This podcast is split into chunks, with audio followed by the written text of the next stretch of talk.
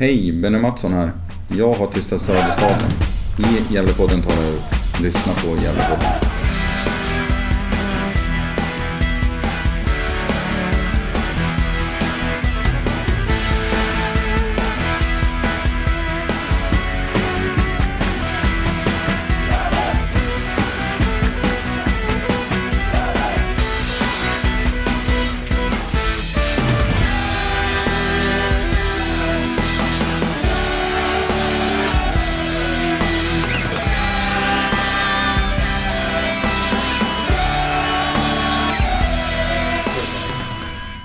Vi varmt välkommen till Gävlepodden Benny Guldfot Mattsson. 51 matcher i Gävle IF blev det och 6 mål och 4 assist.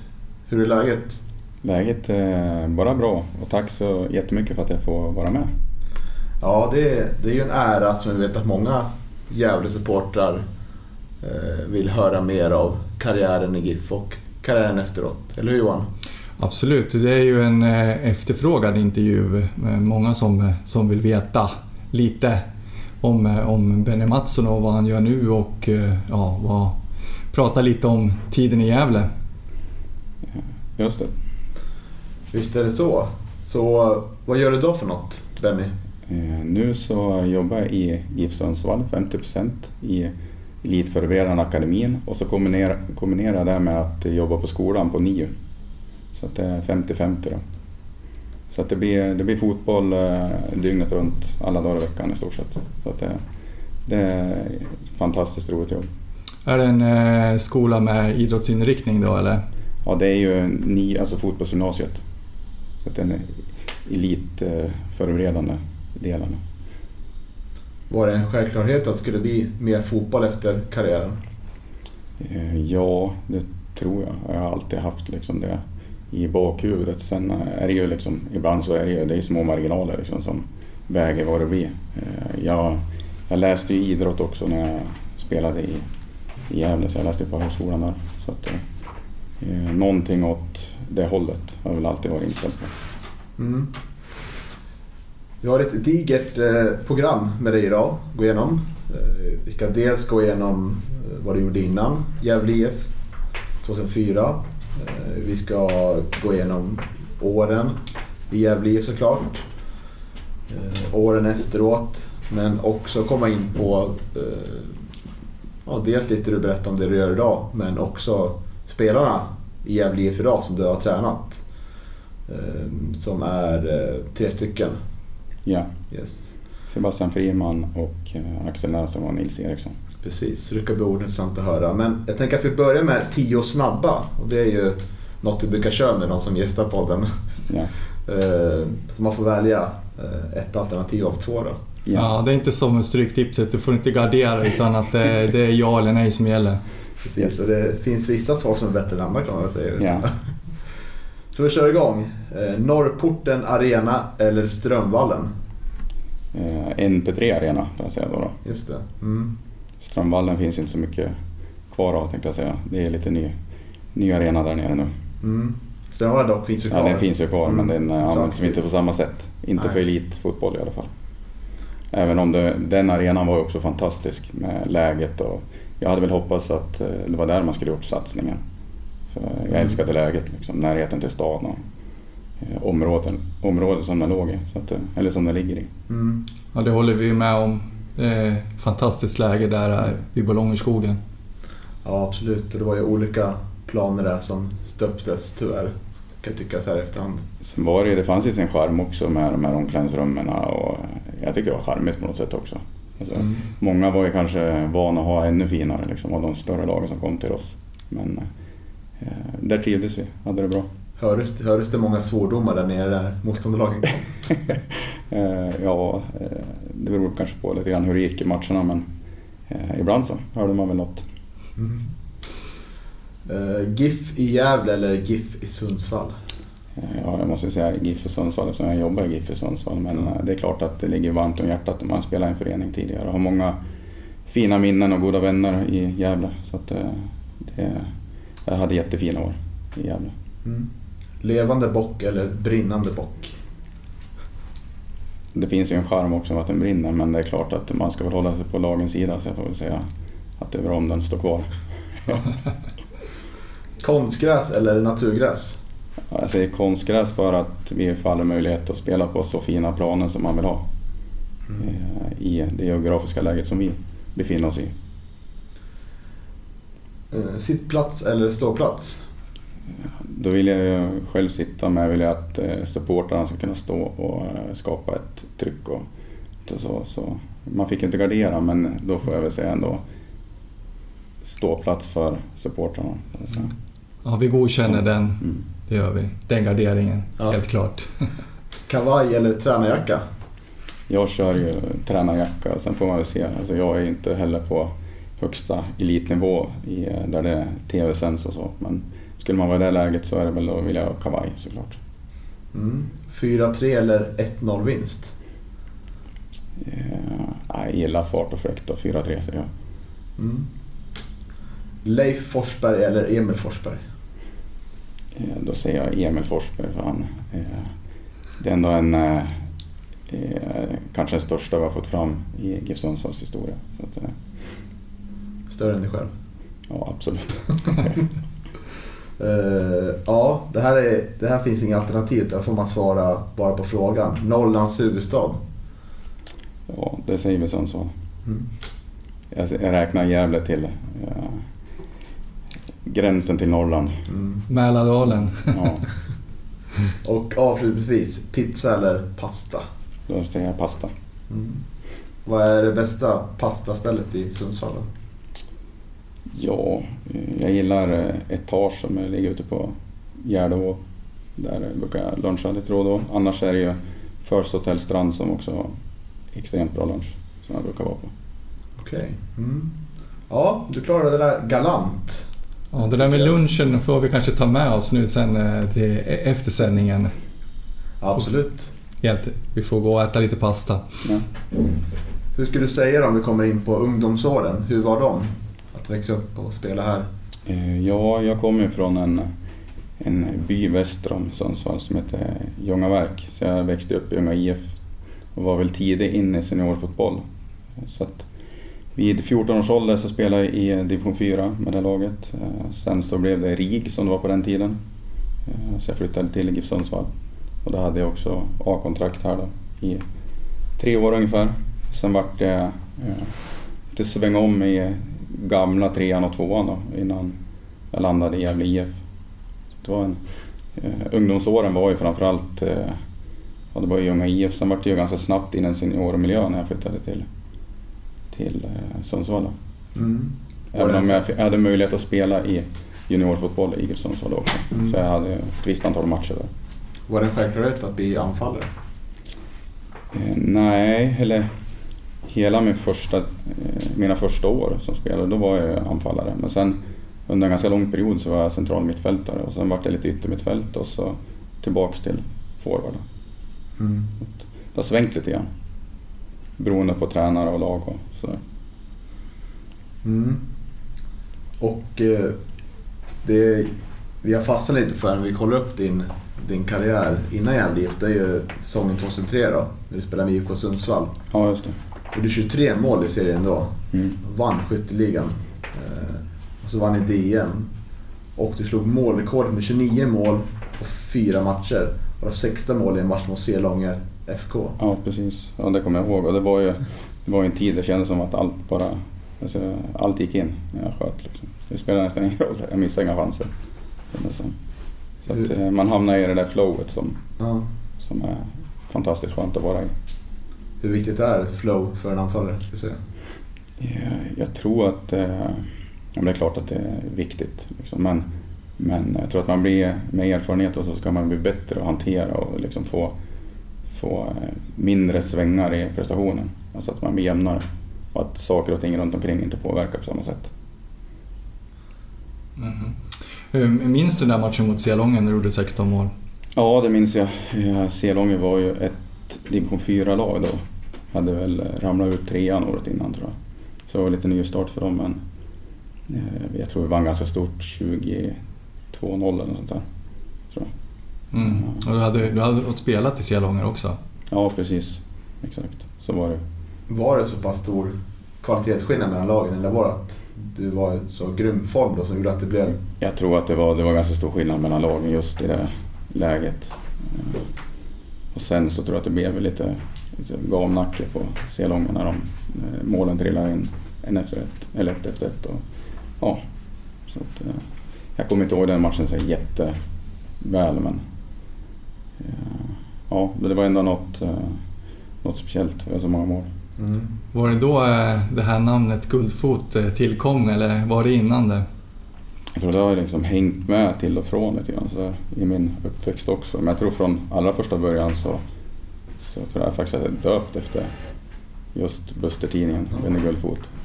Så, så, att, ja, så att det är väl egentligen där från- som är allra första början. Mm. Var det pappa eller mamma som var flitig Buster-läsare eller? Ja, mamma var det ju inte. Men, men min pappa spelade fotboll och eh, sådär så att eh, det är därifrån. Mm. Hur, hur kändes det under den här säsongen med IFK Sundsvall? Eh, var intresse utifrån ganska tidigt som du märkte av? Eh, Ja, det var ju några klubbar som hörde av sig. Bland annat så var jag faktiskt och träffade Sandviken också i samma veva. Eh, Men det är klart att då lockade det med att eh, Gävle IF var i Superettan också. Men det var någon klubb till också som, som hörde av sig. Men det var inte på... betydligt lägre va? Sandviken var i motsvarande division 2 tror jag. Om jag inte minns fel. Mm. Hur gick kontakten då, då? Var det Pelle som... Det var med Gävle så var det Kenneth som, Ja. som hörde av sig. Eh, Sen så var jag under säga, några veckor så var jag nere och tränade med Gävle IF då. Det var i Andersbergshallen kommer jag ihåg. Så jag hade ju några resor mellan Sundsvall och Gävle som var nästan på liv och död kommer jag ihåg. Det var snöstorm och sådär. Riktigt slaskigt och ja. Så att det var, men det var jätteroligt. Var det bilresor då? Ja, jag åkte emellan dem några gånger. Så det vart kanske, säg att det vart en 6-7 träningar eller något sånt. Som jag testade innan jag fick erbjudande. Hur, hur kändes det på de där träningarna? Jag kan tänka mig att, det- att det lär vara liksom... Du var ju kanske inte ensam och provträna heller va? Nej, det var, det var ju några till men jag kommer ihåg att jag var liksom ganska effektiv i, i målskyttet. Jag gjorde mycket mål där. Liksom. Mm. Jag var ju det som jag sa i flowet. Man petar in och bollar och man kommer lite rätt och det bara liksom flyter på. Så jag kommer ihåg att jag gjorde ganska mycket mål den där. Du gick in och tog för dig liksom och visade, tog plats. Ja, det tycker jag. Jag hade ju också, även om jag kom från, från ett eh, lägre tempo så, så hade jag tränat väldigt mycket extra och så, så jag var ju väldigt väl, väl fysiskt förberedd och så. Så att jag orkade liksom. Var det någon på, på de här träningarna som liksom skulle testa just där bland gyspen? Som ville kolla hur mycket tål den här? Nej, det vet jag inte. Nej, det var ju ett supergäng. Eh, Gävle IF, det var ju så härliga karaktärer och eh, sköna killar bara rakt igenom. Så att, eh, men jag tycker väl den, den som man liksom direkt kände var väldigt stark och skicklig var ju Vuxlin. Självförtroende rakt igenom kan jag tänka mig. Ja, alltså alltid hög nivå. Aldrig några dippar egentligen, utan alltid väldigt bra och väldigt liksom, noggrann. Och, Mm. Det var ju någonting som eh, Daniel Westlin också nämnde att eh, han tyckte att Voxlin var lite på kanske en annan nivå. Mm. Eh, kanske lite för, för bra för att spela Superettan egentligen. mm, det kan väl jag också fylla i och hålla med. Absolut. Mm. Sen är det ju liksom att ha en sån stabilitet och ha så många spelare som har varit tillsammans under lång tid. Det är klart att det, då blir man stark som, som grupp och man respekterar varandra och man tar ett hårt jobb. Och, så att, eh, det var här- ett härligt gäng. Mm. Det är det många har pratat om efteråt bland de här. Hugo, Bernhard och Sulan och du också nu. Att just att få den där gemenskapen i flera år gjorde att det var en stark kärna som att man klarade sig kvar i Allsvenskan. Trots att man pengamässigt inte, det borde inte vara möjligt. Nej, precis. Jag tror att det också var en, det var en bra mix av olika spelartyper. Ja, det är hårt jobbande och så sen när man gick upp i Allsvenskan då kom Makondele in som, kunde, som kanske var en av de bästa kontringsspelarna i Allsvenskan vid, det, vid den tiden. Ja. Så hade man Bernhardsson som var otrolig på fasta situationer. Han gjorde väl åtta mål tror jag om jag inte minns fel första säsongen i Allsvenskan. Och det var väl en del på, på fasta och det var en del på att han orkade fylla på på bakre kommer jag ihåg. Liksom, så att Mm. han är lugn för det. Liksom. Så att, eh, det, var, det var en bra mix av olika typer. eh, Av olika spelartyper. Mm. Ja, han vinner ju den interna skytteligan där första säsongen på, på alla de där nickmålen egentligen. Ja, precis. Sen, sen har jag för mig också att eh, Hammarby var visa intresse. Men att det var någon artikel där jag för mig om att eh, bonden stannar i Gävle eller något sånt. Ja. Så det var, det var ju roligt. Det var inte lätt att flytta på dem där. Hugo fick också en anbuden. Och Ja, precis. Ja, precis. Men om vi ska gå in på 2004 då, första året eh, för dig. Eh, Mm. Det blev fyra matcher från start och 14 inhopp om jag har fått mina siffror rätt. Hur var det att, eh, hur skulle du beskriva Kenneth Rosén som tränare? Det var ju en, eh, vad ska man säga, en jättevarm person. Hon brydde sig om människan och eh, satte henne liksom i fokus och försökte att pusha och väldigt omtänksam människa. Eh, som, som passade perfekt i det läget för gruppen. Så att, eh, och jag märkte inte heller av att han var sjuk. Det såg man liksom inte under säsongen. Utan han, han jobbade hårt liksom. Och, eh, ja, gjorde ett bra jobb. Mm. Var det stor skillnad att komma från, kommer då från IFK Sundsvall, eh, någon en, två divisioner under till, till Superettan? Hur, Jo, hur stor skillnad skulle du säga att det var? nej men det var, det var stor skillnad. Eh, sen så allt blir på nivå till. Eh, motstånd och nya arenor och allt runt omkring och bättre eh, team runt laget och en helt annan hype. Och, så det, vart, det är klart att det varit en väldigt stor skillnad. Allt går mycket snabbare också. Mm. Så att, eh, det tar ett tag att liksom anpassa sig såklart. Jag tycker jag hade en ganska bra start också. Jag gjorde väl en, en hel del mål tror jag, på försäsongen. Jag tror jag gjorde mest mål i, i laget på försäsongen. Då, då var jag liksom, jag trodde också, jag tror jag avgjorde det där mot Sandviken i enrepet. Då trodde jag nog att jag skulle startas. Fast, fast vi hade ju, man kände ju att Westlin och Ytterbom var riktigt, riktigt bra. Mm. Så att, eh, eh, men sen hamnade jag på läktaren då, första matchen ändå. Så att, eh, det, var, ja, det, var lite, det var tufft. Men det var bara att jobba på. Sen var jag med i alla trupper efter det. Det där var ju ganska, tänker jag, märklig känsla att det har gått från att gjort så mycket mål under, under fjolåret och sen hamna på, på läktaren sådär. Reflekterar man något psykologiskt över det? Blir det så här mental press på en själv? Ja, fast jag tror jag tänkte mer att eh, jag var så pass, alltså jag var så glad att vara på i en så bra miljö och kände att jag utvecklas. Och, så jag tror inte jag liksom, jag la inte fokus på, på det negativa så då, utan bara att försöka jobba och visa liksom. Jobba varje träning och försöka bli bättre än, än Westlin. Jag kände att det var framförallt han jag konkurrerade med, för Ytterbom var ju den, den eh, som droppade ner och kunde suga in bollar och Mm. hade lite andra kvaliteter än vad vi hade. Jag och, och Sulan var ju mer djupledsgående och lite mer skulle gå mot mål. Så att, eh, det jag försökte hela tiden att förbättra lite. Liksom. Mm.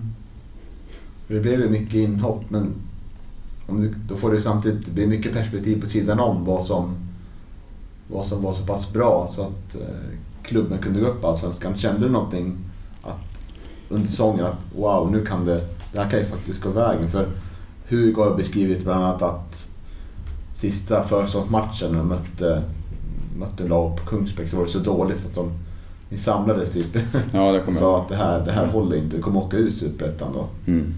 Jag kommer också ihåg att vi, när vi mötte Öster borta så hade de något reportage. Då jag att jag läste i matchprogram att i- i år åker Gävle IF. Liksom. Då låg vi ändå med en bit upp. Liksom. Så att det gjorde väl också att man tog ner förväntningarna för att vara i toppen hela tiden. Liksom. Man, man tänkte inte så mycket på det utan jobba hårt varje match för att eh, försöka ta tre poäng och kanske inte trilla ur. Sen så, att, eh, sen så med segrar och poäng och självförtroende så vart vi bättre och bättre. Jag kommer ihåg Häcken vann ju det året också. Mm. Jag kommer ihåg den hemmamatchen. Den var ju otroligt stark. Vann med, jag tror det var 4-1. Mm. Och då var ju Oxlin var ju otroligt bra. Just den matchen. När det blir sådana negativa skriverier så kanske man eh, tar det eh, som en tändvätska också, kanske främst i, i en sån grupp också som är så, så stark och så sammanspelt antar jag liksom att, eh, att eh, ja, det står, det står i tidningen att ja, den här säsongen åker man ur. Det kan ju vara en bra tändvätska också, antar jag. Ja, men eh, framförallt sen när vi var i Allsvenskan kändes det som att eh, skakar vi fram en hörna så då är liksom det är bra gjort nästan. Mm. så att verkligen slå i underläge. Så det kan ju också ha sin för, fördel då, såklart. Vad skulle du säga är, vad var grundprinciperna i Kenneth Roséns anfallsfotboll? Nej, man ville ha med mycket spelare framåt. Och, eh, vi hade väl också liknande, att det var ju var en hel del inläggsspel. Och, eh, men att eh, eh framförallt så var det forwardsarbete tycker jag med Ytterbom och Westlin som var enormt bra. Som vi skapade mycket via dem. Så de var ju, de var ju väl outstanding som man säger som forwards i, i serien. Mm. Just tillsammans också. Så att, eh, och det kände jag också senare att eh, när jag fick chans att spela med Ytterbom så, så växte man av det. Han gjorde andra bättre. För jag kunde ju känna också under den här perioden att han gjorde sällan mål och så. Och så tyckte man själv att han gjorde ofta mål. Man kanske kollade på lite fel sätt liksom, hur man, varför man inte platsade. Men sen när man väl spelade med honom förstod man alltså, hur bra han egentligen var. Så att, eh, otroligt stark felvänd och eh, hjälpsam på alla sätt. Liksom. Mm, svår att ta bollen av. Ja, jättesvår. Ja, Sulan eh, benämnde ju honom som den absolut smartaste spelaren i, i, i truppen. Ja, det är jag väl beredd att hålla med om. Absolut. Mm. Och eh, ditt mål under säsongen kom ju mot eh, Västerås SK. Ja, precis. Jag tror jag hoppade in i den matchen. Ja, på slutet tror jag ja, ja, och det var väl någonstans där det började att se riktigt bra ut tror jag. För att eh, vi skulle ta steget upp. Mm. Men det var väl, det var väl 3-1 målet också tror jag. Mm. Jag tror vi vann med 3-1. Robert Schlid tror jag gjorde 2-1 på straff. Ja, just det. Det var där och såg. Ja, precis. Efter, efter den matchen så var det ju avgörandet. Jag hade läge att avgöra hemma mot Café Opera på Strömvallen. Ja, exakt. Då har det varit lite flopp. Mm. 4-2 förlust. Ja. Mikael Edvardsson gör ett mål. Ja, just det. Men eh, ja, det var upplagt för en stor fest. Men... Precis, men den kom av sig. Men eh, festen blev istället då på Rudalen. Mm. Så att, eh, ett, jag kommer inte riktigt ihåg exakt hur det var, men jag tror att vi det hängde lite på målskillnad och Visst var det så? Mm, det var otroligt. Vi hade, vi, hade, ja, vi hade bra målskillnad så vi behövde bara eh, liksom, hålla undan och inte släppa in mycket mål. Mm. Så skulle vi klara det. Och eh, det blev ju att eh, vi kryssade tror jag. Jag tror vi grisade till en 0-0 mm. match där. Och det var liksom, eh, det jag också kommer ihåg därifrån det var att Anders Wikström var ju, eh, var ju på sidan då som ersättare. Och eh, han hade en bonus. Alltså att skulle han hoppa in så skulle han få visst mycket pengar. Sen som skulle, och när det var liksom började gå mot slutet så blev han argare och argare. Men han kom in i typ 90 eller 89 eller något sånt. Så att det liksom, han fick hur, sin bonus. Hur många siffror var det den bonusen då? Det var inte så mycket pengar tror jag, men det var väl ändå ja, i den åldern och på den tiden så var det ändå... Ja, det var väl i alla fall bra eh, pengar till segerfesten kanske. Mm. Vad kommer du mer ihåg från, från dagen och festen där? Eh, ja, jag kommer ihåg att jag tror inte det var någon jätteförberedelse liksom för att vi skulle gå upp. Jag tror inte man hade tagit någonting alls i förskott. Utan minns jag inte fel så stannade vi på typ en mack och köpte några folköl vägen. Så det var väldigt lugnt och sansat. Det var väl lite champagne sprut i omklädningsrummet om jag inte minns fel. Sen var det inte så mycket mer och sen var vi på O'Learys på kvällen. Så det var en mm. jättetrevlig avslutning. Mm. Eh, vi glömmer bort att lämna inflygningen på Ja precis, just det. Mm. Ja precis. Så hade vi, ja, precis. Vi möttes upp av lite supportrar. Precis. Det var trevligt. Mm. Hur gjorde du då Johan? Nej, jag var tyvärr inte och mötte upp. Jag, jag kommer faktiskt inte ihåg. Jag kommer ihåg att jag eh, satt och följde det där eh, på, på, på text-tv, just det där, den där matchen, sista matchen där när det skulle bli klart och sådär. Men eh, men i övrigt så kommer jag faktiskt inte ihåg vad jag gjorde mer än att jag ja, firade och knöt en näven då när det, jag vet inte vad det blir blått va, eller något sånt där när, det, när resultatet är klart på, mm. på, på text-tv. Ja, det här var ju en tid då matcher inte tv-sändes naturligt. Nej. Jag tror att den här tv-sändes ens. Eh, Men jag har hört att det var, jag var ju tyvärr inte där, men att det var ganska trist och tråkig, tråkig match. Ja, det var en eh, 100% 0-0 match. Det var ju knappt några målchanser om jag inte minns fel. Att, eh, och eh, jag kommer ihåg när jag kom in också, det var ju mest bara att försöka ha fast bollen och liksom få tiden att gå. Lite sådär. Mm. Ja, det var väldigt stort i alla fall hur som helst när ni gick upp för att eh, jag menar de allsvenska åren som man kommer ihåg själv, de, de är ju inte många. Jag, jag var ju bara ja, 6-7 år sådär när, när vet du, Gävle spelade allsvenskan innan det så att eh, eh ja, det kändes väldigt stort då när ni gick upp faktiskt. Mm. Och kommande säsong 2005 blir ju betydligt bättre för din egen del. Du startar 12 matcher, eh, räknar jag med Svenska cupen nu då. Och Ja. sju inhopp och gör fyra mål. Och ett av de här målen är ju det som har gjort dig känd över, över hela Sverige, framförallt i Gävle IF-kretsar. då. Det är ju målet mot Hammarby eh, den eh, 25, 26 juni. Just det. Jag kommer ihåg att vi hade, hade ganska tufft bortafacit fram till dess, om jag inte minns fel. Och, eh, jag trodde ju inte själv att jag skulle starta den matchen eh, på förhand, så det var en liten överraskning. Eh, Men det var någonstans i 75 minuten tror jag som Magnus Wikström nickade en hörna. Och så petade in den bara. Det var inget, det var inte så stor grej av mig att peta in var på rätt ställe. Men det blev, blev ju dock mål och eh, en viktig vinst. eh, Som också gjorde, tror jag, att vi vann ganska många bortamatcher sen. Vi blev Mm. ganska starka. Jag tror att vi blev nästan starkare borta än hemma innan det var färdigt. Vann en kommande bortamatch efteråt mot Göteborg. Det Ja. är Bernhardsson som Ja, avgjorde det. precis.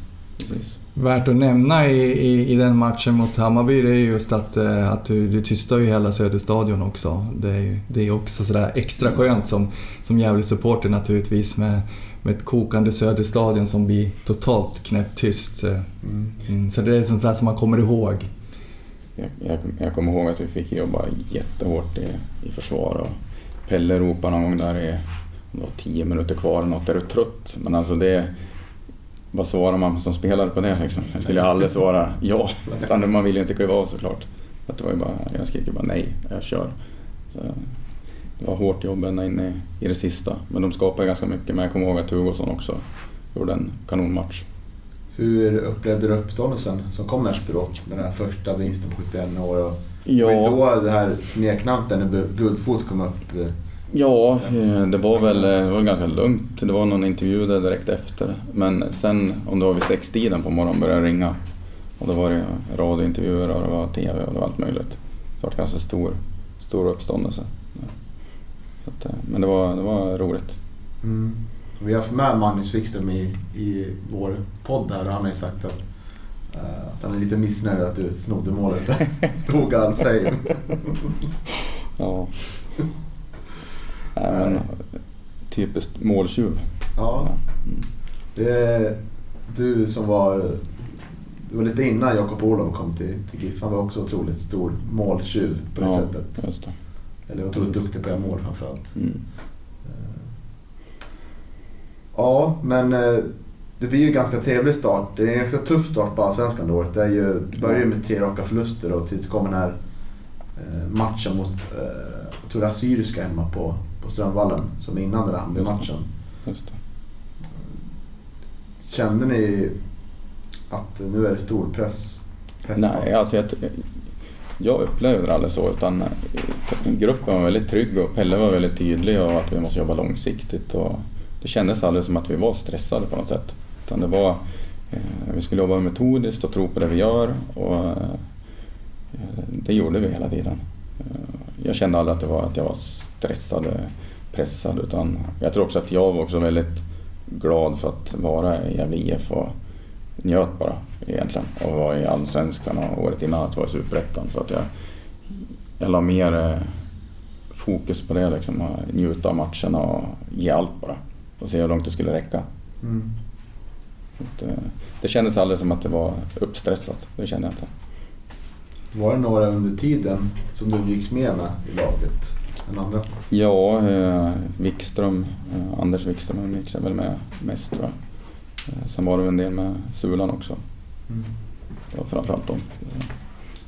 Att, eh, sen kom det och gick lite spelare och sådär så det var ju lite, eh, lite olika. Liksom. Det var inte Josef Engiol som vi pratade om i podden. Ja just det, han är precis... eh, ja, men han hängde också lite med sådär. Är väldigt eh, Hur var han som person? jättesocial. Supersocial. Eh, Han skickar till och med meddelanden till mig ibland nu för tiden. Liksom.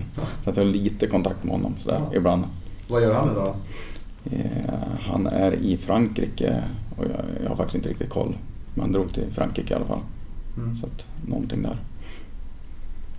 Spännande. Mm. Ja, eh, kanske inte så duktig fotbollsspelare men, men en fin person då. Väldigt fin person och bidrog på sitt sätt ändå. Även om man inte slog sig in. Så att, eh, men det är alltid så i ett lag att eh, det är elva som startar och det är några som inte slår sig in. Så att, eh, han hade kanske mer i sig än han fick ut också. Svår position att konkurrera på också. Ja, absolut. Ja. Nu kan han vara både mittback och defensiv mittfältare. Men det var ju som vår clean eller mittbacksparet liksom. Så det var ju, var tufft. Ja. Mm. Mm. Ja, du gjorde ju mål också under året i förlusten mot Djurgården hemma. Ja, 4-1. precis. Och matchen därefter i vinst mot Halmstad med 4-1. Sen Just det. två mål i Svenska cupen. då. Just det. Kommer du ihåg de här målen? Ja, Djurgården var ju någon... eh, Undrar om det var... Kan det vara Johan Claesson som släppte en djupled eller Bernhardsson? Och så sköt jag från... Det var ganska snyggt mål. Från höger kant på något sätt upp i första eh, nättaket, krysset. Mm. Svagt minne det faktiskt. Ja, nej, men det, det, var, det var snyggt mål. Sen Halmstad borta så då gick jag emot första stolpen. Jag tror det var Makondele som rundade liksom på vänsterkanten och kom runt. Och, och så eh, spelade jag, eh, eller jag backade ur och eh, la in den bara. Lite ett klassiskt Gävlemål eh, via Makondele liksom. Ja, men jag, jag kommer ihåg att jag, Pelle pratade om det att eh, jag gillar egentligen inte att du inte går hela vägen mot första stolpen. För det var det vi skulle göra. Liksom. Men att eh, du gjorde mål så det känns ju okej. Men det var, också en, det var också en match som var på förhand väldigt tuff. Halmstad borta och det blev 4-1, står det så. Mm. Mm. Eh, Och det var framförallt Makondele som hade show den matchen. Så att, eh, han var, det var väl där någonstans det tog riktig fart för honom tror jag. Mm. Han var också en del petad i början Ja, av det allsvenska är säsongen. lätt att glömma bort. Men många av, av du har ju Alexander Alexander Gant som kommer efter Mm. att ha försvunnit från GIF. Men eh, som också är ett tydligt exempel.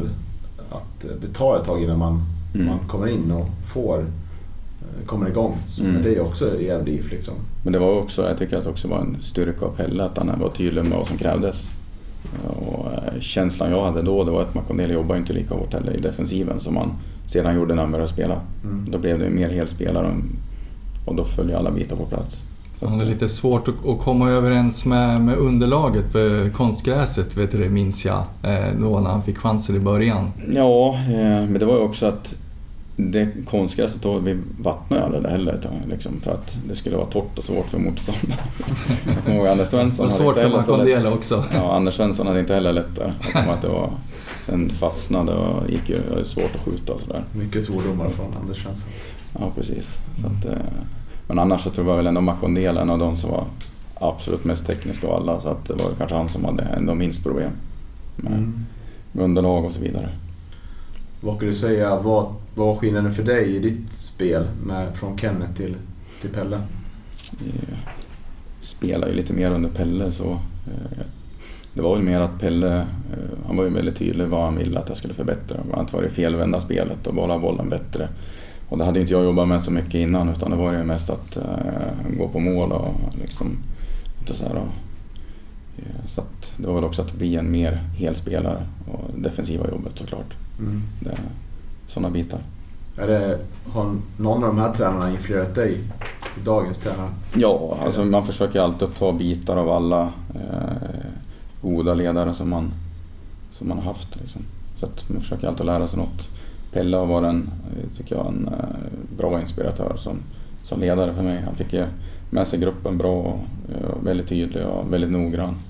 Så det fanns många fina delar att lära av och ta med sig.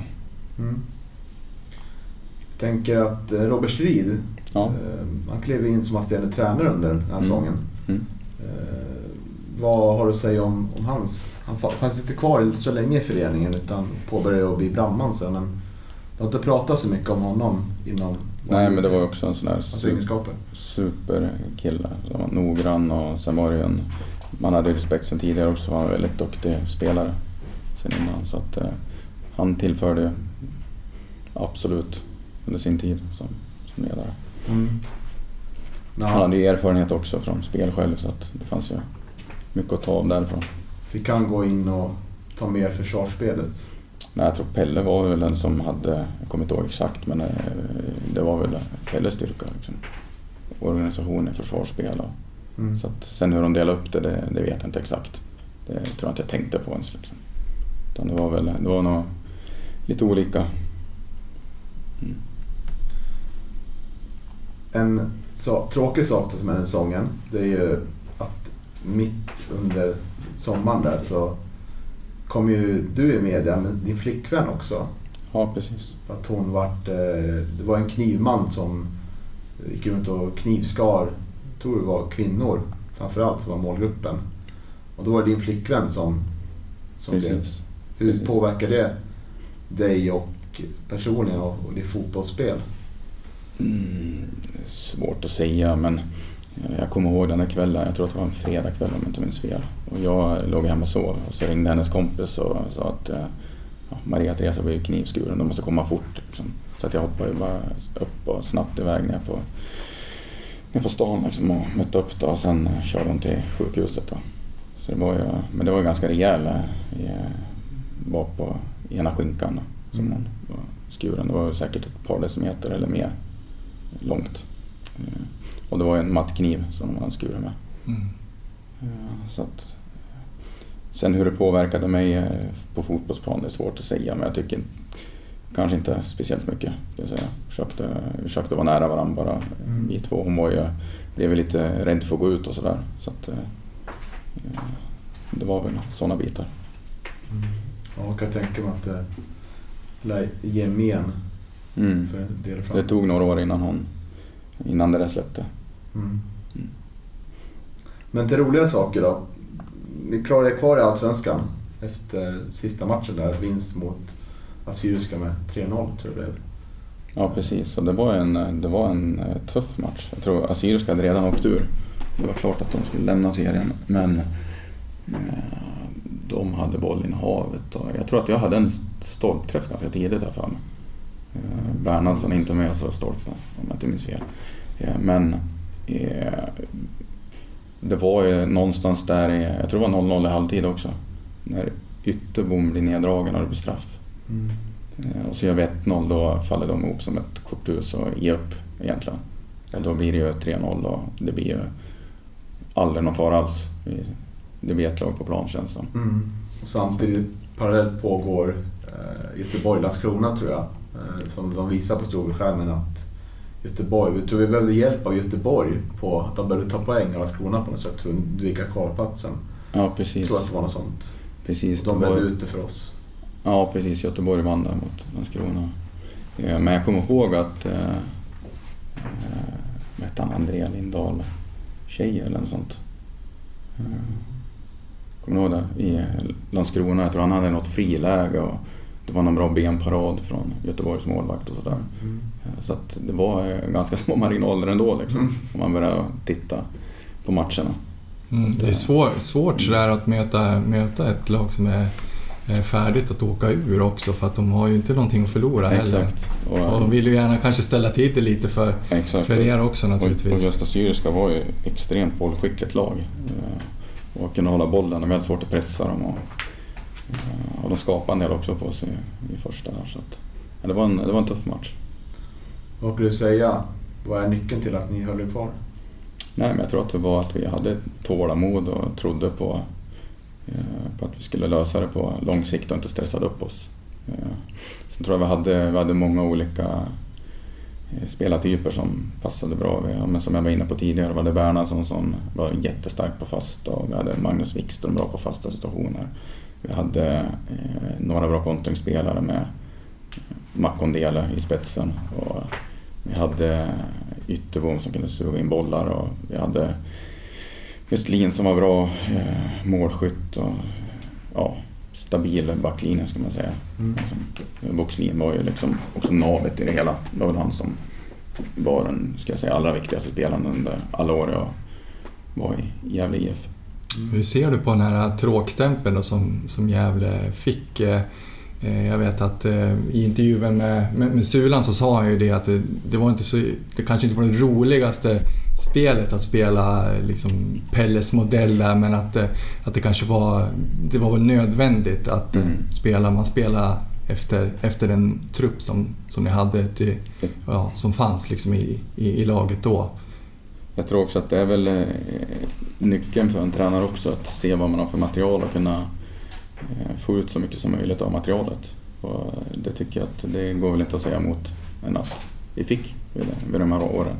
Så att, sen så är det väl att, ja, Sulan han kommer från Göteborg så att han hade väl andra krav än mig som kom från lägre division. Så att vi kommer från olika liksom, lag och olika divisioner så att då tänker man väl lite olika också. Jag var ju mer liksom, jag var väldigt glad att vara i divisionen och var beredd att göra det som krävdes. Och Sulan kanske hade lite mer krav, han ville till nästa nivå liksom, på något sätt, eller tillbaks liksom, Mm. till den nivå han hade haft som högst. Liksom. Mm. Om man går tillbaks då till som assyriska som, som vi nämnde då, de, de var duktiga på att hålla i bollen och spela ganska trevlig fotboll men, men de åkte ur och, och eh, ni vart kvar liksom så att...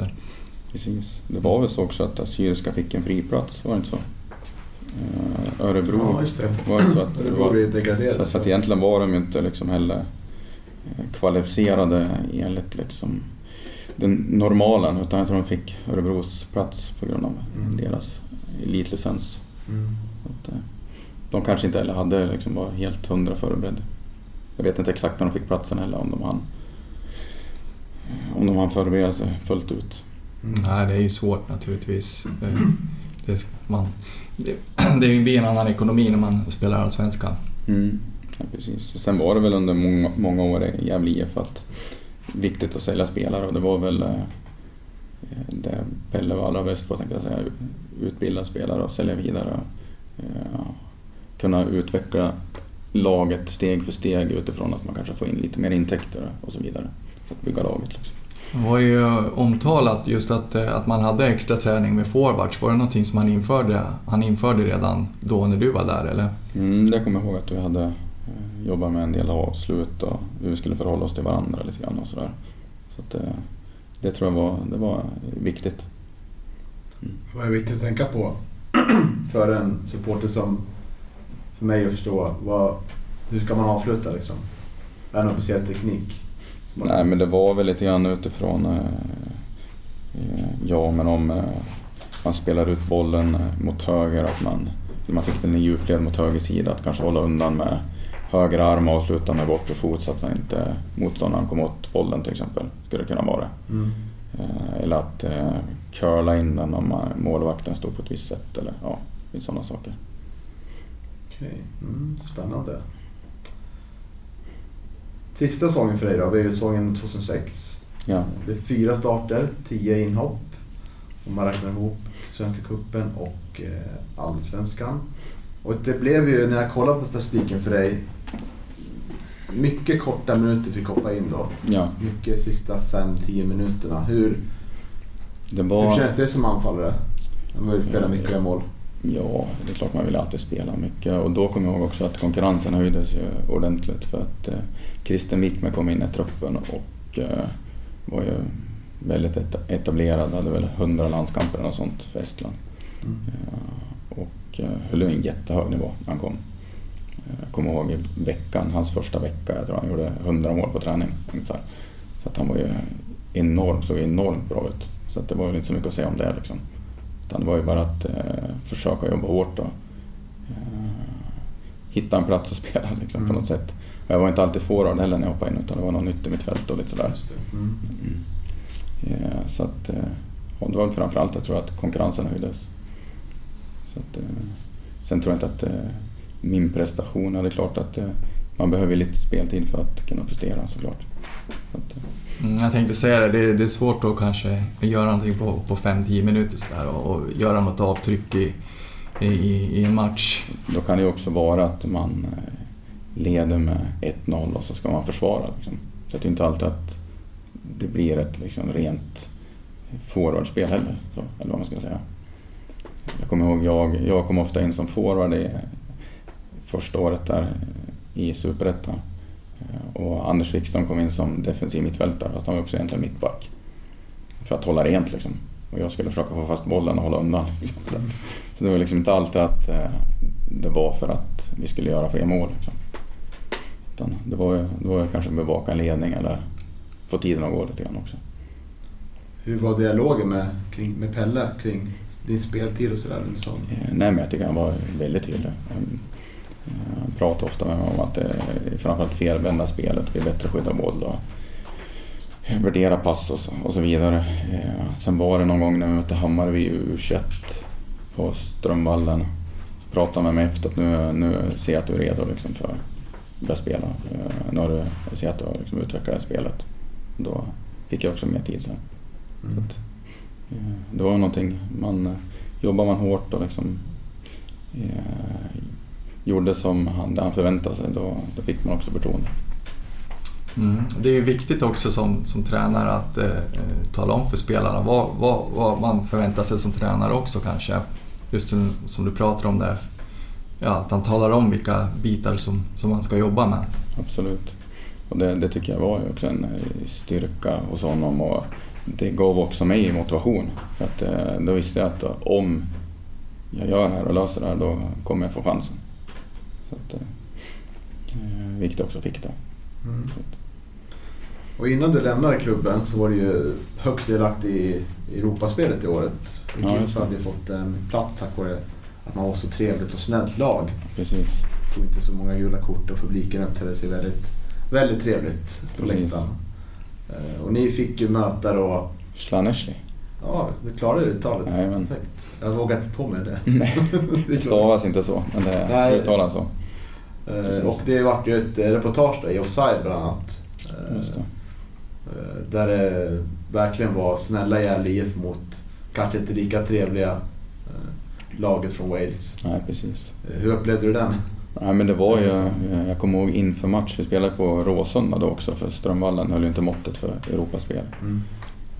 Då pratade jag, kommer ihåg att Pelle pratade om att vi ska absolut inte liksom börja diskutera med domarna och riskera kort och liksom sådana saker.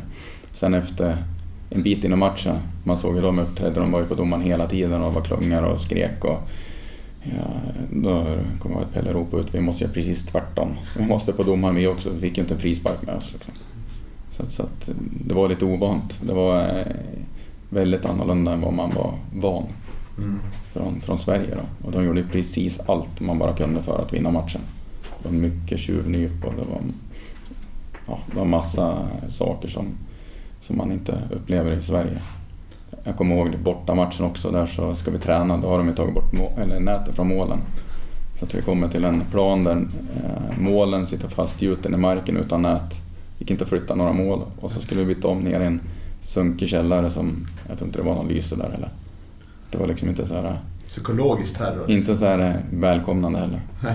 Ja. Men eh, sen uppskattar väl nivån på, dem, på deras lag var klart lägre. Men ändå lyckades de slå ut oss.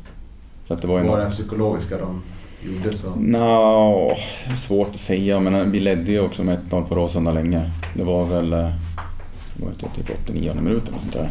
1-1 och sen 1-2 i, övertid. Det var ju något sånt. Vi mm. gjorde två mål alldeles i slutet. Sen borta så hade vi lite målchanser och sådär men eh, det räckte inte riktigt till. Jag tror vi kryssade borta. Vart det 0-0 där? Tror jag. Mm, ja, jag har för mig att det var så. Mm. Ja, men Hedlund var väl utvisad? Ja, så kanske det var ja, också. Ja, så var det. Ja, precis. Ja. ja. just det. De hade ju någon, någon snabb Griffith, hette han, kommer jag ihåg. Snabb forward som var duktig. Mm. Och han, han kom sen och ville, ville signa för Gävle IF efter matchen. Alltså. Ja. så lite komiskt. Pelle var inte sugen? Nej, det vart ju aldrig något av det där. Det vet jag inte hur. Jag tror inte det kom någon vart med det. Men... Eh, kom du alltså ju... fram efter matchen? Du? Jajamän, efter när vi stod och väntade vid bussen. Det kanske var mest på håna liksom? Så Ja, ja, jag vet inte. Eller så är det kanske ett bevis på, på nivån i, i, på fotbollen där i Wales. Ja, precis. Jag kommer ihåg eh, Johan, vår fystränare Johan Holmström hade också någon jag tror han sprutade ner någon i publiken med vatten. Men det vart aldrig något av det där. hade det skett nu så tror jag det kanske hade blivit någon, ja. någon böter eller något, något liknande. Säkert. Så det var lite så här heta känslor från, från sidan och skrek mycket. Och kom ihåg också innan matchen i spelartunneln så deras kapten var ju säkert eh, två meter nästan och tog av sig tröjan och gick och skrek på engelska. Allt de skulle göra med oss liksom, och gick och skrek oss i ansiktet och sådana saker. Det var ju också annorlunda mot vad man var van liksom. Var det någon som mottog då? Nej, alla var jätteförvånade vad han höll på med. Sen var det så också, de matcherna, jag, jag startade de matcherna om jag inte minns fel. Och det var väl lite grann från också att Ytterbom fick ju inte spela. För att han, eh, det var någonting med allergin han hade, något sånt. Ja, Astmaallergi tror jag. Reval också tror jag. Ja, det kanske var så med han ja. också. Och att de inte hade sökt dispens tror jag. Mm. Så att de var inte ens tillgängliga. Sen, så att, eh, ja, så var det. Mm. Hur kändes det avskedet? Det kom ju under augusti månad 2006. Det blev klart att det blir tillbaka där vi sitter idag då, Sundsvall. Eh, ja, eh, jag kommer ihåg att jag pratade med Pelle då. Eh, Mika hade ju tagit över som Mika Sanka som tränare för KIF efter David Wilson då. Och eh, behövde väl få in någon spelare då. Och det var väl kanske just, kanske inte mig som spelare ska jag tro i efterhand, utan det var mer karaktären han behövde få in tror jag. Men, eh, som var beredd i allt liksom. Eh, Sundsvall låg också i jätteutsatt position. Jättelångt ner i Superettan, om det var sist eller om det var näst sist, men långt upp till strecket. Så att det var väl lite tankar fram och tillbaks. Eh, från allsvenskan ner till kanske riskera att åka ur superettan. Samtidigt så, eh, min, det är min sambo då, som är min nuvarande fru, Maria Therese, hade ju, var ju också arbetslös i Gävle vid den tidpunkten och eh, ville ju hemåt för att eh, börja jobba eh, med bättre kontakter i Sundsvall såklart. Eh, så det var lite det som också påverkade. Mm. Och jag kommer ihåg att jag pratade med Pelle under den här tiden och han sa att eh, ja, alltså det är tuff konkurrens här och eh, du är ändå med och spelar en del men det kommer inte vara mindre konkurrens i Sundsvall för titta på deras forwards. Det, är ju, det var många etablerade också. Det var ju Hermansson och Micke Dahlberg och Johan Patriksson. Och det var väldigt många bra spelare i Sundsvall fast man låg så dåligt till. Också. Att, eh, men det blev till slut flytt då. Och några år i Sundsvall innan innan jag eh, blev, klev in på tränarsidan. Jag tänker vi ska avsluta lite din gamla GIF-tid med eller Gävle IF då kanske. Det kanske blir förvirrande när man säger GIF till dig. Ja, det blir... Du tänker Gävle IF, du tänker GIF Sundsvall kanske första. Mycket diskussioner kring det där, vilket som är det riktiga GIF. Det en egen podd. Ja, det var, precis. Det var väl Stisse som skrev det på Twitter att det, eh, det riktiga GIF måste ju vara det i Gävle för att vi startar... Ja, de är äldre. Mm. Föreningen är äldre. Du har lyft en ny boll här nu. Ja, ja visst. Ja, nej, men det är alltid roligt med diskussioner. jag tänker att vi kan komma in på... Jag bad dig ut din bästa elva baserat på spelare. Ja. Det har den här Johan också gjort. Ja. Eh, så kan, om du vill ta din första Benny. Vem ja, mål? Eh, jag har väl inte riktigt så här stenklart för mig. Vi får väl diskutera oss fram här för att höra vad ni tycker. Men jag tycker Hugosson är ju svårpasserad. Han är ju given. Sen måste ju Hedlund måste ju vara där med den karaktären och den chefen som han var. Och sen måste ju Magnus Wikström också. Sen under min tid var ju inte Anders lika framstående som han till slut blev. Mm. Men eh, om man ska sätta han som högerback kanske då, ändå. Eh, Reval spelar ganska mycket. Sen var det ju... Vilka mer var det där? Det var mest Rival, Bernhard. Bernhard vart ju senare. Han var mm. yttermittfält mest. Ja, och jag var. Ja. Så Bernhard måste nog bli yttermittfält. Högerytter får han bli. Mm. Och sen måste ju Makondele vara på en annan kant. Boxlin måste också bli en given centralt. Mm. Sen äh, vänsterback blir väl Patrik Karlsson då, som äh, Turesson var ju med i Superettan men Patrik spelar ju mer i i Allsvenskan så då blir det han. Mm. Eh, vad hade vi mer för centrala spelare? Det var ju Johan Claesson. Var ju. Mm. Eh, Jossa hade ja, vi. Eh, Vilka hade du mer då sa du? Så att jag inte missar någon här. Jossa, Voxa var ju där. Josef Engiol har vi pratat Ja. om. Mm. Kanske inte platsade där Ja. Om det ska bli Jossa då, för den eh, fantastisk jämna nivån han alltid höll. Mm. Han kunde vara eh, jämn bra och jämn dålig. Nej då, han var alltid, han höll en hög nivå tycker jag. Alltså, men han var aldrig ojämn. Det var alltid jämn, liksom, jämn nivå på honom. Eh, man fick det man förväntade sig. Ja, verkligen. Eh, sen forwardsparet måste ju bli Sulan och, och Ytterbo som Ja. ändå var de, de som var allra bäst. Även om Wickman kom in, och, men han känns som han dansade under en vår på något sätt. Han var ju väldigt, väldigt, väldigt bra när han kom. Sen vet jag inte om han inte riktigt trivdes. Det kändes som att det var något sånt. För han, efter sommarledigheten så var lite tyngre när han kom tillbaka. Så det gick... Det vart aldrig liksom den succén man trodde på förhand. Eh, Men en härlig superkille liksom, på alla sätt. Men, Mm. men det vart inte riktigt klaffe liksom, eller vad man ska säga. Då är era elver ungefär eh, jämbördiga kan man säga. Du har tagit Jannik Papupa på höger mittfältet och eh, Bernhardsson på högerbacken. Mm. Eh, det är väl det som skiljer åt. Ja, precis. Ja, Bapupa var också en bra kontringsspelare. Mm. Så att, men äh, ja, Evelin Wikström Mm. och Bernhardsson gjorde ändå åtta mål. Så att äh, vi kör på det. Mm. Okej, spännande. Har du något att tillägga där Johan? Nej, jag tänkte bara så det var lite roligt att du nämnde det där med Jossa och eh, leverans. Han, han, han kanske levererar lite bättre än vad hans arbetsgivare gör om man säger så. Ja, precis. Känga till Postnord. En liten ja, känga till men- Postnord. Men det var ju det var också fantastiskt att ha en som jobbade, cyklade hela förmiddagen och så kom han till träning och så levererade han. Så, det var vilken härlig kille. Ja. Eh, ja, men sen eh, 2009, första tränaruppdraget om jag förstår rätt. Assisterande tränare samtidigt som du spelar för den gamla IFK Sundsvall för dig då. Ja, precis. Eh, Jag måste bara backa lite grann. Mm. Eh, Man ska heller inte glömma Jon Eriksson. Just Nu var inte han med så, Mm. så mycket i Allsvenskan där på grund av skada och allting. Men han har ju också kunnat vara, han får bli första ersättare med Edvardsson. Och Edvardsson var ju en magisk personlighet, eller det är han väl fortfarande. Liksom. Mm. Helt fantastisk. Så att, eh, Ja. han kan också vara första inhoppare till Ja, Edvardsson har många nämnt som många gamla spelare som en...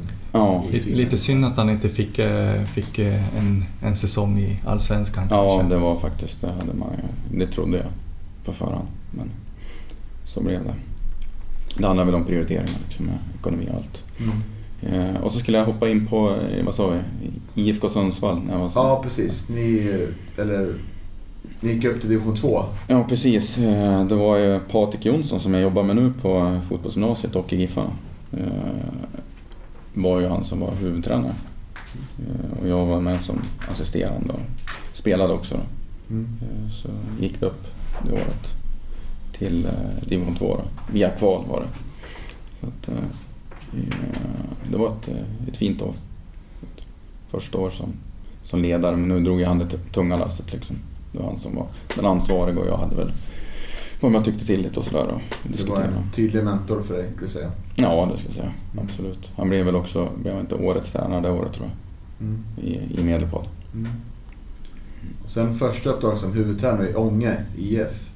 Ja, precis. Division 4 2011. Ja. Eh, ni vann serien och eh, efter kvalserien är ni klara för division 3. Exakt. Och ni liksom eh, verkar eh, gå rakt uppåt i seriesystemet. Ja. Det där var också ett speciellt år för att vi gick ju obesegrade genom division 4. Eh, gjorde ett kanonår men vi var ändå inte klara fast vi hade vunnit eh, serien. Utan det var ett, var ett kval mot Hälsinglands vinnare. Mhm. Och på den tiden så fick man låna spelare om man hade samarbetsavtal. Så att vi mötte nästan ett division 2-lag. Vi mötte Hudiksvall nästan, fast det var Strand. De hade ju Pelle Löv, kommer jag ihåg, och Sömfors stod i mål. Och var flera som spelade med Huff som var med i det där kvalet. Så det var ju nästan ja, det var verk- overkligt nästan. Sen togs den där regeln bort efter det. där. Men då vann vi med 1-0 hemma på Ånge IP sen vart det en klar seger borta, kommer jag ihåg. Det var 3 eller 4-1 tror jag. Mm. Så att, eh. Sen gick, gick det uppåt och då vart ju division 3 då, och då var det med några nya in. Bland annat så fiskade jag upp Oskar Nordlund som jag flyttade hem efter att ha varit hockeyspelare i Leksand. Leksands juniorer och flyttade hem till, till eh, Västra som man kallar det. Han bodde väl i Ljungaverk tror jag på den tiden. Och han var väl lite förvånad när jag frågade om han ville spela i Ånge. Men det ville han ju och eh, försäsongen gjorde han direkt mest mål. Och sen, eh, nu är han i BP då. Så att, efter några år och vunnit skytteligan, är tvåan här i norra serierna, division 2 norra. Mm. Ja, så att, eh, första året var också nära, första året i trean, nära att gå upp direkt i tvåan. Jag tror att eh, i slutet av serien där, eh, då var vi bästa laget. Vi hade lite trubbig start, eh, lite ovan med, det var lite tuffare matcher och så. Men sen hade vi Kvarnsveden som vann, hade vi sista matchen och då vann vi stort hemma kommer jag ihåg. Så att, eh, vi vaknade lite sent. Året efter när vi gick upp då hade vi ju... Det var ju då ÖFK började att liksom stegra och flyga, eller vad man ska säga. Då, då lämnade ju de alla spelare till IFK Östersund som eh, inte fick plats i Superettan och det var ju en hel hög av väldigt bra spelare. Så att eh, IFK Östersund var ju skyhög favorit då innan den serien med massa division 1-spelare. Eh, men på något sätt lyckas vi vinna serien ändå och gå upp då. Att, eh, sen gick de ändå upp via kval kommer jag ihåg. Eh, sen vart det division 2 och, och det var väl något år där vi mötte Sandviken. Eh, jag tror vi vann hemma och kryssade borta faktiskt mot dem. Var väl med länge i toppen. Första året i tvåan. Jag tror det slutade femma innan det var färdigt och mm. min sista säsong i Ånge IF blev jag trea. Var också med länge i toppen där. Mm. Det var fina år. Tog steg varje år och sådär. Så att... Ja, och det var ju att du utsett till årets tränare 2013 i Medelpad då. Ja, precis. Mm. Och det, för mig passade det ganska bra att jag började fyran och jag kunde liksom utbilda mig varje år. Liksom och, eh, ta steg och, ja, och sen när jag väl lämnade så kändes det perfekt att komma in i GIF Sundsvall som komma lite närmare A-laget och kunna se, följa dem och komma med väldigt kompetenta tränare kring, kring mig. Mm. Cedergren, Franzén med flera. Då. Hur märker man att det, att det är Benny Mattsson som tränar ett lag då så att säga? Vad är, vad är det du står bakom? Hur vill du att eh, ett lag som du tränar, hur, hur spelar de? Nej men alltså grunden ändå, det är väl det hårda jobbet. Det, tror jag, det, kanske, det kanske är Pelle som har lärt mig det. Liksom. Jag vet inte. Ändå tror jag alltid att jag haft det hårda jobbet i mig. Liksom. Men det är, väl, det är väl ändå grunden i allt och att man är lojal och ställer upp på idén. Liksom. Sen, sen kan det väl vara att det är såklart att eh, om man har bollen så då kan man ju kontrollera matchen. Så det är väl en fördel av bollen. Sen, eh, sen är det en fördel att kunna kontra bra också för det görs ju mycket mål på kontring. Så att, eh, det är många delar i spelet som är viktiga. Sen eh, försöker vi att spela ganska likt eh, A-lag och eh, vara en elitförberedande akademi. Då. Att både kunna kontrollera matchen men att vara, vara bra kontring och eh, gärna gå centralt och så vidare. Det jag tror påminner ganska mycket om hur Gävle IF spelar nu i och med att man har Micke Bengtsson där. Mm. Som har varit i organisationen här många år. Skulle du säga att ni har någon speciell eh, tränarfilosofi i, i Sundsvall här uppe? Att, är, att man får gå någon internutbildning eller liknande? Vi, har, vi jobbade ju mycket med Sockerservice eh, när vi hade samarbete med dem då. Och det var ju det är de här bitarna att vara bollförande och eh, kontrollera matcher och hur man kan skapa övertal. Liksom. Eh, sen är det ju lätt, konsten är att inte bli baktung. Att man får med spelare i anfall. För vill man kontrollera bollen bakifrån då behöver man ju ha övertal där. Eh, men att ha övertal hela vägen, det är det som är konsten. Liksom. Mm. Mm. Och nu är du tränare för Sundsvalls P19. Ja, precis. precis. Vad kan du säga, vad kan du säga är, för jag kollar lite på tabellen in här och det är ju, ni ligger väl på nedre halvan kan man ja. säga. Medan Djurgården toppar Örebro tvåa där lite. Lite ja, precis. Örebro hänger med så bra. Precis. Men vad kan du säga, vad är största utmaningen att träna ett pojkar 19-lag? Nej, men det är väl att eh, i år är det att vi har, ju, vi har flyttat upp sju spelare och det är så många har väl aldrig, aldrig tidigare flyttat upp liksom, till ett A-lag som, har, eh, som också har åldern inne att spela i 19. Så att det är många unga som är uppe i A-laget och det är klart att det påverkar ju såklart kvaliteten på 19-laget. Eh, men konsten är väl också att vara flexibel hela tiden och försöka hitta för spelarnas bästa liksom, hela tiden. Eh, I slutändan så är det ju inte, det är inte resultatet i en enskild match utan det är ju mer på individen. Och att få att utveckla och få bra, fram bra spelare. Det är det det går ut på. Det är det akademin är till för.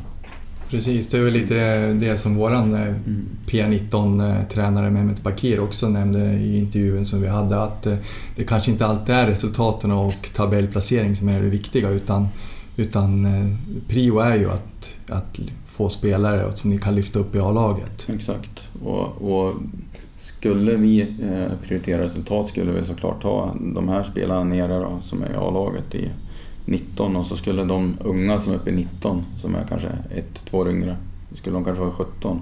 Det blir ju liksom en dominoeffekt. Så att, eh, men eh, vi eh, försöker hela tiden att liksom, ska, kan man ta nästa steg då, då får man flytta upp och så försöka liksom hitta hela tiden så att man får en utmaning. Finns det något, eh, något mål med att man ska flytta upp x antal spelare till A-laget? Var en del varje De har, de har ju haft eh, strategidagar nu bara under veckan här och diskuterat just det här om man, man håller på att se över vad som ska gälla för framtiden. Men eh, klart och tydligt är väl att akademin blir toppviktig, liksom att man eh, ska prioritera akademin ordentligt. Mm. De sju, sju spelare då, som, som till den här säsongen måste ju vara ett jättebra kvitto. Jo, det är det såklart. Sen har vi ju många andra också som är från egna akademin, som Pontus Silver har ju varit i akademin, även om han har varit runt en sväng. Sen tillbaks, Tobbe Eriksson detsamma. Och några andra, Dennis Olsson bland annat, även om han var proffs i Vitryssland en sväng innan han kom tillbaks. Så att det, det finns ju många som har eh, Sundsvall eh, med i sin, eh, ja, under sin utbildningstid. Vilken upplevelse. Proffs i Vitryssland. Ja, så då kommer man tillbaks och glad sen.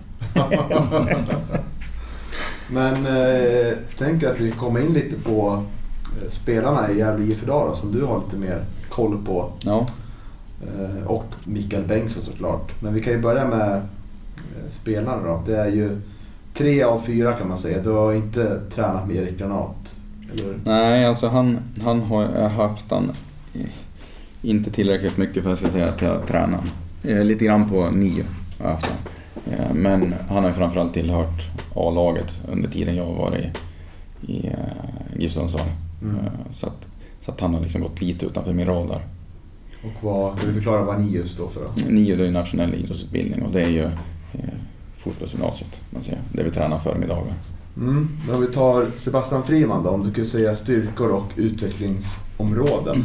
Mm, man har inte sett så här extremt i år, men det har ju, han har ju haft eh, såna här individuella fina färdigheter med att kunna ta sig igen mot den. Han har jättefint skott, eh, kvick och rapp. Spelare som kanske behövde jobba lite mer defensivt, lära sig defensiven lite mer. Det är väl framförallt det skulle jag säga. Så, Vad skulle du använda honom på i plan om du fick? om ni spelar 3-4-3 så skulle det vara kanske en uh, ytterforwardsroll eller vad man nu kallar det, den indragna rollen liksom, som, i fyran. Eller i uh, trean menar jag. Eh, Pocketrollen vet jag. Pocketrollen kanske de kallar Som den. Micke alltså Ja. brukar kalla den tror jag. Ja. Mm. Pocketrollen ska jag säga. Mm, otroligt skadefödd i år. Ja, jättetråkigt. Eh, Vi trodde mycket på, på, på honom här i- inför säsongen och så. Eh, Men, men han har varit för mycket skadad och det är ju jättesynd. Mm. Han, han verkar ju ha egenskaper som, som jag tror eh, skulle eh, verkligen lyfta Gävle. Han, har, han har också en bra fot liksom, på fasta situationer och på, eh, som inläggsfot. Jätte, jättefin fot. Mm. Okej, vi går vidare till eh, spelaren som gjorde stor succé i Sollentuna-matchen, Axel Näsholm. Ja, det är också en eh, spelare som är väldigt rapp och rivig spelare. Bra skott också. Eh, det är väl kanske att öka effektiviteten. Han är, under de år jag hade han så var han duktig att ta sig till lägen och ta sig förbi. Och, men han satte liksom inte riktigt pricken över i i avslutslägen. Men eh, lite sådana detaljer. Kanske faller lite på plats nu då när han levererar så pass bra senast. Eh, Sen eh, att jobba hårt även i defensiven. Liksom. Jag har sett i år att han har utvecklat defensiven. Absolut. Så att, eh, eh, men kanske att fila lite extra på just det sista liksom, som sätter pricken över i ett avslutsläget eller sista assist, liksom assisten som ska leda, det ska leda till ett mål. Liksom. Vi såg ju Mm. ett Gävle IF senast som man har spelat ganska mycket med ganska lågt tempo och försökt eh, ha mycket boll och vänta in att motståndarna kan pressa högt och därigenom komma igenom och få chanser. Men senast var det mer 4-4-2 så såg vi det men Ja. man valde att inte kalla det det efter annat sätt. Men Ja. vi det som det och att det var betydligt mer fart och fläkt. Ja. Och där kändes det som att han kom betydligt mer, mer rätt i det. Det kanske också har varit något som Micke har laborerat med. Nu såg jag inte riktigt den matchen men, men att eh, det jag pratade om att inte bli baktung kanske. Att få med fler spelare framåt. Så att, eh, kanske något i, i, som han har laborerat, laborerat med i formationen såklart. Ja, men, men, eh, nej, men annars är ju som... Näsholm är ju en... eh, Han har ju jättefina individuella skills. Liksom. Jättebolltrygg och... eh, kanske skulle behöva bli lite bättre att skydda boll. Liksom, Mm. i, om man kommer i, så att det blir dueller. Att man står mot eh, duellen och skyddar bollen lite bättre. Men han kommer kunna göra väldigt bra hos er. Mm. Och eh, Nils Eriksson. Det är ju en, en ja, han håller jättehögt. Jättefin spelare alltså. Eh, Väldigt spelskicklig. Eh, Jag kommer ihåg något utvecklingssamtal så med honom så sa han åh, eh, vad han skulle utveckla. Liksom. Så sa han åh, jag skulle bli, jag skulle bli lite bättre att sticka in bollen centralt. Ja, fast det är ju det han är allra bäst på. Att Trä in och liksom diagonala in. Det är ju liksom absolut styrkan. Eh, så att, eh, ja. Men att det handlar väl mycket om kanske Inget specifikt på han, han är ganska allround-spelare. Alltså bra duell en mot en och bra att ta fram bollen offensivt och fin teknik och man kanske filar lite liksom på positionsspel, försvar och lite sådana saker. Så han skulle kunna spela ytterback. Eh, Så man har, verkar ha ganska, som du säger, bra offensiva Ja, jag skulle inte säga jag skulle inte ha satt honom som ytterback. Det hade jag inte gjort. Men, men eh, ja, det skulle säkert fungera. Men jag tror inte man skulle få ut full potential. Det tror jag inte. Eh, han kan ju spela, om man har en treback så kan han ju spela liksom ytterst till vänster eller höger. Mm. Eh, Konstigt nog, han är ju högerfotad men han var alltid bäst till vänster hos oss av någon anledning. Bra vänster också. Ja, jag tror att han har gjort någon match hos oss som högerback. Men att det har aldrig varit liksom någon tanke att han ska bli kvar där utan mer mittback. Mm. Och om vi tar eh, huvudtränaren i LIF, Mikael Bengtsson, som också var här i Sundsvall. Ja, Vad har du styrkor och utvecklingsområden om, om nej, men han är ju han är ju jättekompetent fotbollstränare. Väldigt taktiskt skicklig och jättebra instruktör. Och, jag gissar att ni är väldigt nöjda med och bra liksom, att han vet vad han vill. Liksom. Eh, Han har en förmåga att kunna i- från teori liksom, ta det till praktiskt. Eh, Så att, eh, väldigt kompetent. Och vad exakt han ska utveckla det är svårt för mig att säga. Alltså jättesvårt. Det beror lite grann på vad han har för grupp och sådär. Men eh, jag tror inte det är, det är inte hans liksom, högsta nivå. Det är Jeanette han kan ha högre också. Tror jag. Mm. Jag tror. Mm. Tror du att, eh, att GIF Sundsvall skulle komma närmare ett samarbete med, med Gävle IF idag med tanke på de eh, kontakterna som, som finns med Micke? Gammal. Ja, alltså det är väl inte omöjligt eh, att det skulle vara så. Sen, eh, sen är det väl alltid eh, i det läge vi är också så har inte vi liksom, möjlighet att ha massa spelare uppbundna på kontrakt och låna ut utan har man kontrakt då måste man troligtvis vara här för att det är en sån ekonomisk situation vi befinner oss i. Men eh,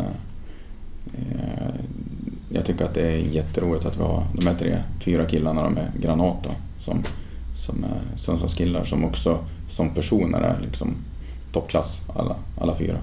Mm. All right. Det är en intressant tanke då med tanke på hur styrkeförhållandena ser ut just nu. eh, Mm. Det där med, med ett samarbete då. Men, men, men det är klart, eh, Micke har ju sina kontakter här uppe också så att eh, Ja, precis. det, det blir kanske lite automatiskt på något Det, vis det blir väl, han känner ju de här spelarna sedan tidigare och haft dem och vet exakt vad han får. Liksom. Så att det är klart att då blir det lätt att värva sådana spelare. Mm. Där han inte behöver tveka så mycket, han vet personligheten också. Att det är ju ingen, ingen risk, om man säger. Han vet vad han får. Han vet exakt vad han får. Mm. Hur följer du Gävle IF idag då? Eh, Jag brukar se eh, matcher på, på nätet när de sänds.